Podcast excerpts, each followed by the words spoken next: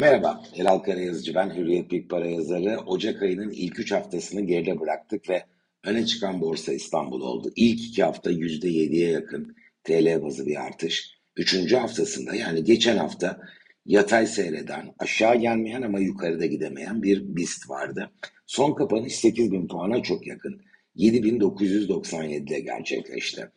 Yeni hafta ben bu kaydı alırken henüz açılmadı ama Borsa İstanbul'un ölçülü de olsa satıcılı bir başlangıca imza atma ihtimali daha yüksek görünüyor. Çünkü hafta sonunda Merkez Bankası ile ilgili haber akışının yerel yatırımcılar üzerinde dikkate değer bir etkisi olduğunu görüyorum. Yabancılar etkilenmez mi bundan? Ben çok büyük bir etki olacağını zannetmiyorum. Çünkü e, her senaryoda Türkiye'nin 2024 yılında para politikasında, ekonomi politikalarında bir değişiklik olmayacağı görüşünün ben yabancı yatırımcılar nezdinde e, baskın kalacağını düşünüyorum. Gerçekleşmenin de bu yönde olacağını ve Türkiye'nin bundan bir hafta önce, iki hafta önce e, gördüğümüz, tahmin ettiğimiz yol haritasıyla da seyahatini sürdüreceğini düşünüyorum. Hal böyle olduğu için de bir etki görsek de bunun geçici kalma olasılığı kuvvetle muhtemel ve e, Türkiye varlıklarında bir iskonto oluşursa bunu küresel fonların yine e, bunu Kasım ve Aralık'ta da görmüştük. Alım fırsatı olarak değerlendirip Türkiye pozisyonlarını arttıracaklarını düşünüyorum. E, yukarı gidebilir mi endeks? Bir süre 7800-8150 gibi bir bandın içinde BIST'in geçen haftayı da çağrıştıran belki biraz daha volatil yatay bir seyrin içinde kalma ihtimali daha yüksek. Çünkü Ocak ayının ilk 3 haftalık bölümünde dünya borsaları ortalama %5 e, aşağı gelirken dolar bazında %4.4 yükselmiş bir BIST var. Pozitif ayrıştı. Ve fiyat avantajını geçen yılın kapanışına göre e, yitirmiş oldu veya azaltmış oldu diyelim. Bu nedenle yabancı yatırımcıların alış ordinolarında BIST e, bir süre arka planda kalabilir. Dışarıda peki satıcılı seyir sürer mi? E, pek zannetmiyorum. Cuma günü Amerika seansında güçlü bir dengelenme oldu. Büyük endeksler, e, ana endeksler yeni zirvelere imza atarken aslında ekonomik aktiviteye çok daha duyarlı olan Russell küçük şirketlerin e, işlem gördüğü endeks e, Ocak ayında yüzde altı kadar bir kayba imza atmıştı. Onda da rotanın yukarı döndüğünü e, gördük.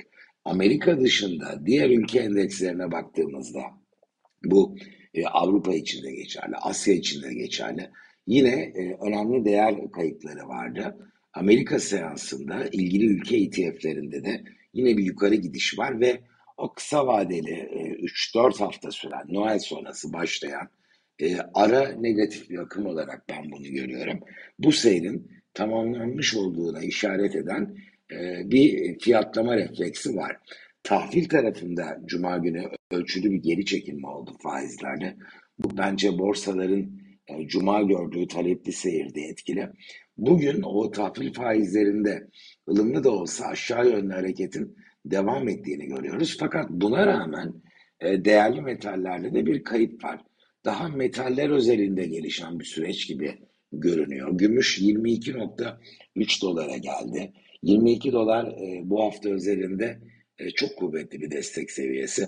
Pekala test edilebilir çünkü ivmeli bir geri geliş söz konusu.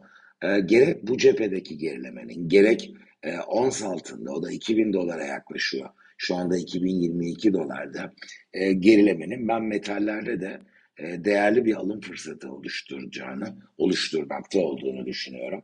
Önümüzdeki süreçte hem borsa endekslerinde hem değerli metallerde yukarı yönlü bir seyirle karşılaşmamız daha muhtemel. İşte tüm bu gündemin kulisin içinde Merkez Bankası'nın da toplantısı var. Ee, Türkiye Perşembe günü faiz kararını öğreneceğiz. Beklenti 42,5'tan 45'e çıkması yönünde faizin. Ee, burada bir sürpriz olmayacaktır ama ileriye dönük rehberlik ne olacak? Merkez Bankası e, verilere bağlı olacağız ve ihtiyaç görürsek ilave faiz arttırımları yapabiliriz tadında. Geleneksel bir Merkez Bankası tavrımı ortaya koyacak. Evet bence bunun ihtimali görece daha yüksek.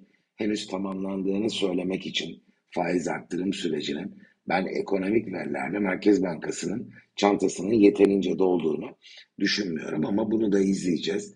e, elbette BIST üzerinde bunun da etkisi olacak. Döviz tarafında çok fazla bir etki görmüyoruz çünkü kamu cephesinin e, döviz piyasasında ihtiyaç olduğunda dengeleyici adımlarını sürdürdüğünü, keza döviz tarafında yabancı girişiyle bir bolluk olduğunda, satıcı kalabalığı olduğunda da alış yaparak dengeleyici misyonunu sürdürdüğünü görüyoruz. Bundan e, en azından kısa vadede vazgeçmeme olasılığı kuvvetli. O yüzden o tarafta çok tahmin üretmeyi gerektiren bir hareket yok.